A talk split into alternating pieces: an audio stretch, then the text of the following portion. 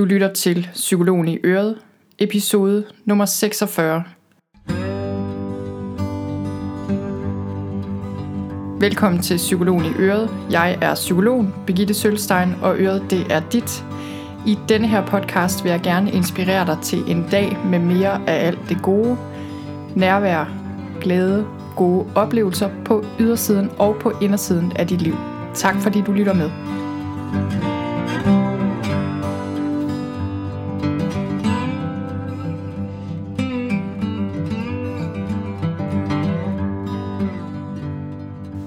Hej med jer derude. Velkommen til den her episode, som er noget anderledes end de fleste podcast-episoder, jeg har lavet tidligere. I sidste uge, der lavede jeg en episode, som var et interview med psykolog Annette Due Madsen, der handlede om at være mor til et handicappet eller sygt barn. Og jeg har fået rigtig meget feedback. Der er mange, der har skrevet til mig, øh, at det var en god episode, at de fandt trøst og inspiration i den, og det synes jeg er rigtig dejligt. I det hele taget får jeg tit mails fra folk, der lytter til min podcast eller læser noget, jeg har skrevet, og det er bare rigtig dejligt at høre, at det giver mening derude. Og da jeg lyttede til den her episode igen den anden dag selv, der øh, tænkte jeg, hold da op, det var godt nok sådan lidt heavy duty stuff. Og øhm, jeg skrev også ud til læserne af min tirsdagsmail sidste uge, da jeg sendte den her episode ud, at jeg havde besluttet mig for at fokusere på det svære og det tunge, når det kommer til det her med at have et sygt barn, et handicappet barn, et barn, der kræver noget særligt. Fordi jeg tror, det er der, vi først og fremmest har brug for at blive mødt, før vi ligesom kan komme videre til noget af det sjove. Fordi der er jo ingen tvivl om, at lige så hårdt og svært det kan være at kæmpe med et barn, der bare kræver noget ekstra, lige så lærerigt og inspirerende og givende og alt muligt andet kan det også være på andre tidspunkter. Og forhåbentlig så får de fleste af os kæmpet os igennem kæmpe store udfordringer, hvad end det knytter sig til vores børn eller andre, på en måde, så vi i sidste ende føler os beriget af det. Men øh, jeg tror bare, at det starter med at møde folk der, hvor de er, og også møde mig selv der, hvor jeg er for den sags skyld. Og derfor er jeg rigtig glad for det interview, jeg fik lavet med Annette. Men så fik jeg også lyst til ligesom lige at øh, lave noget helt andet i den her uge. Og øh, det gør jeg blandt andet også, fordi lige nu sidder jeg med næsen langt nede i mit selvhjælpsforløb til angst. Selvhjælp til angst hedder det. Jeg er ved at opgradere det til en ny version, så øh, hvis jeg lyder lidt hæs i dag, så er det fordi, jeg sidder og indspiller rigtig meget lige pt. Det er et lydforløb, så jeg indspiller simpelthen rigtig meget på lyd. Så jeg fik lyst til at lave noget, der ligesom stak i en helt anden retning, og derfor øh, har jeg besluttet mig for at fortælle om fem ting, jeg er optaget af lige nu, som ikke har noget som helst med psykologi at gøre. Og dog vil jeg så sige, fordi da jeg sad på forhånd og reflekterede over de her ting, så gik det op for mig, at selvfølgelig har de ret meget med psykologi at gøre, fordi det har de fleste ting nok dybest set. Og jeg vil også sige, at for mig i mit liv er det sådan, at mit arbejde som psykolog og så mine personlige interesser, kan man sige, det flyder ret meget sammen. Der er selvfølgelig ting, jeg læser, og kurser, jeg deltager i af pligt som psykolog, men som regel er det faktisk interessen, der driver værket, så derfor kan jeg heller ikke rigtig sådan lige helt tegne et skarpt skæld mellem det, der optager mig på mit arbejde og i min fritid. Men alligevel, så vil jeg altså lige dele fem ting, øh, jeg er optaget af lige nu, også fordi jeg tænkte, at måske kunne det inspirere nogen derude. Det første, jeg er optaget af, det er noget, der hedder tiny houses. Min mand og jeg, lige pt, er ret så bit af videoer på YouTube om noget, der hedder tiny houses. Vi ser ikke så meget fjernsyn ellers, eller serier øh, lige for tiden. Men nogle gange, når børnene er puttet, så går vi altså ind på YouTube og kigger på de her videoer, der handler om tiny houses. Og jeg er helt vild med den kanal, der hedder Living Big in a Tiny House. Og øh, tiny house bevægelsen. Det er dybest set mennesker verden over, der bygger de her små, fantastiske huse, meget ofte på jul. Jeg tror nok, hvis det skal være et rigtigt tiny house, så er det på jul. Øhm, så det er sådan en slags transportabelt minihus, kan man næsten sige. Og de her små huse, de er altså meget ofte sådan meget, meget smukke og meget fantasifulde, og det er ikke fordi, vi selv har planer om at bo i et tiny house, det tror jeg aldrig kommer til at ske. Men jeg synes, det er helt vildt inspirerende at se de her mennesker, der har valgt at leve meget enkelt og meget billigt. Fordi der ligger som regel en eller anden historie bag, at de har valgt det, og, øh, og det er bare så interessant at se, hvor enkelt man egentlig kan leve, og hvor stor en befrielse folk synes, det er. Så det her, det inspirerer mig meget til at tænke over, hvad vi egentlig fylder vores eget liv med, og hvad vi bruger vores penge på. Og ligesom prøve at bruge vores tid og energi på noget vigtigt, i stedet for bare at købe alle mulige ting, vi alligevel ikke har brug for. Og nu er det jo snart jul, og øh, jeg er sådan indrettet, at det er meget fristende for mig at købe mange gaver til mine børn. Og jeg ved ikke helt, hvad det er, fordi jeg siger til min mand hvert år, at nu holder vi det enkelt til to eller tre gaver til børnene, fordi jeg synes dybest set ikke, det er nødvendigt, at de får mere. Men, øh, men nogle gange ender det altså alligevel med, at jeg kommer til at købe for mange julegaver simpelthen. Så øh, jeg håber, og jeg tror faktisk også, at den her tiny house ting, den øh, hjælper mig lidt til at holde det lidt på nogenlunde fornuftigt plan. Den anden ting, der optager mig lige nu, det er jul. Jeg er kæmpe fan af jul. Øhm, jeg ved ikke helt hvorfor. Jeg tror måske, det var fordi min familie ikke havde sådan helt vildt mange traditioner, da jeg voksede op. Men en af de højtider, der ligesom blev holdt i hævd, det var julen.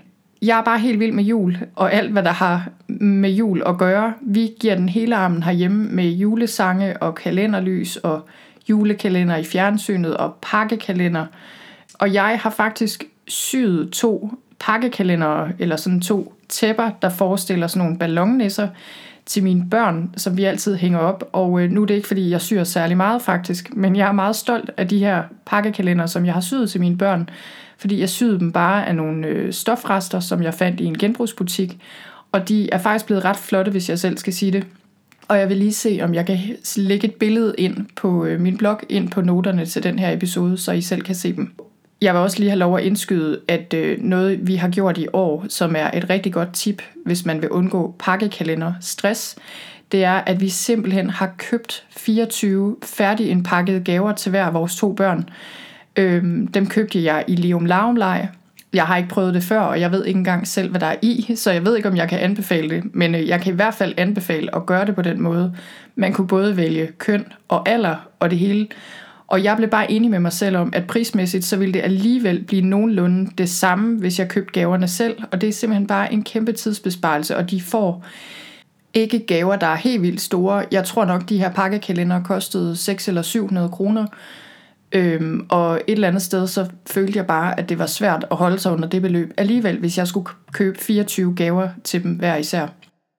Noget andet meget juleagtigt er, at jeg lige har været, eller vi lige har været på weekend på min gymnasieveninde Dittes Ødegård i Sydsverige, hvor vi var inviteret op til en weekend med julekagebaning, og det var simpelthen så hyggeligt. Altså, jeg har faktisk aldrig prøvet det her med at afsætte en weekend til at få bagt kager, og der slet ikke på en ødegård i Sverige, og det var simpelthen bare så hyggeligt. Det tredje, jeg er optaget af lige nu, det er flytteplaner. Det er sådan, at vi har planer om at flytte fra det hus, vi bor i nu, og det er selvfølgelig en helt vildt stor ting. Jeg synes egentlig generelt, at jeg er meget god til bare at lade det ligge og ligesom se, nu skal vi først have solgt vores eget hus, og så skal vi købe et nyt. Men øh, alligevel så er det jo en helt vildt stor ting det her, og øh, hvis man har fulgt mig et stykke tid, så vil man vide, at jeg har talt om store beslutninger, og det her det er altså bare en af de helt store. Og på en måde så har den været flere år undervejs, og øh, så opstod der bare pludselig en mulighed i vores liv, der gav os et skub i retning af at tage et skridt. Og meget mere kan jeg ikke sige om det lige nu, fordi mine børn ved det ikke faktisk. Øh, de er ikke så gamle endnu, og de ved ikke, at vi skal flytte. De ved godt, at vi skal flytte i et andet hus, men øh, jeg kan sige så meget som, at det bliver ikke lige om hjørnet. Og, øh, og det her, det bliver en stor forandring, og det har taget et stykke tid at nå hertil, hvor jeg er sikker på, at det her det er den rigtige beslutning. Egentlig så havde jeg ikke set sådan en kæmpe forandring komme lige nu, fordi på mange måder så har jeg det rigtig godt, hvor vi er. På den anden side, så kan jeg også mærke, at jeg er nået til et punkt i mit liv, hvor jeg har ikke lyst til at sidde i min gyngestol om mange år og tænke, hvad nu hvis vi havde gjort det og det og det. Så jeg er bare rigtig spændt på, hvad det her fører med sig, og det kommer man nok til at høre mere om, eller i hvert fald læse mere om, hvis man modtager min tirsdagsmail. Den fjerde ting, der optager mig meget lige nu, det er Qigong. det er sådan, at jeg selv er uddannet Qigong-instruktør, og jeg bruger det en del i mit arbejde med stressramte især. Og øhm, for dem, der ikke ved det, så er Qigong sådan en kinesisk bevægelseskunst, som øh, ikke bare handler om at komme i god fysisk form, men også om at helbrede kroppen og balancere sindet og balancere kroppens energikredse og meridianer. Og det er sådan, at i Kina, der har man traditionelt brugt Qigong som medicin på linje med akupunktur, og det gør man stadig i dag. Og lige pt, der er jeg bare ret optaget af Qigong egentlig. Jeg kan rigtig godt lide at lære nye serier og nye øvelser, og har fået det rigtig meget ind i min egen hverdag igen. Og jeg overvejer meget noget mere efteruddannelse, enten her i Danmark, eller eventuelt et ophold i et kloster et eller andet sted i et andet land. Og øh, min historie med Qigong er den, at oprindeligt der dyrkede jeg Tai Chi, som i bund og grund er det samme som Qigong. Tai Chi er bare lidt sværere at lære, fordi det består af øvelser, der som regel er sat sammen i sådan nogle lidt mere komplekse serier. Øhm, og her er Qigong meget mere enkelt, fordi det sådan ligesom er de samme øvelser, man gentager igen og igen. Men jeg har selv brugt Tai Chi og Qigong, både som fysisk træning, men især også som sådan en meditation i bevægelse.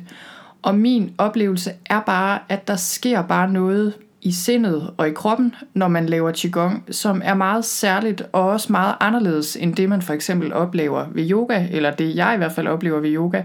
Og jeg kan også rigtig godt lide yoga, men der er bare et eller andet over Qigong, som jeg tror øh, virkelig kan noget. Og jeg tror også, at Qigong vil blive langt mere udbredt her i Danmark.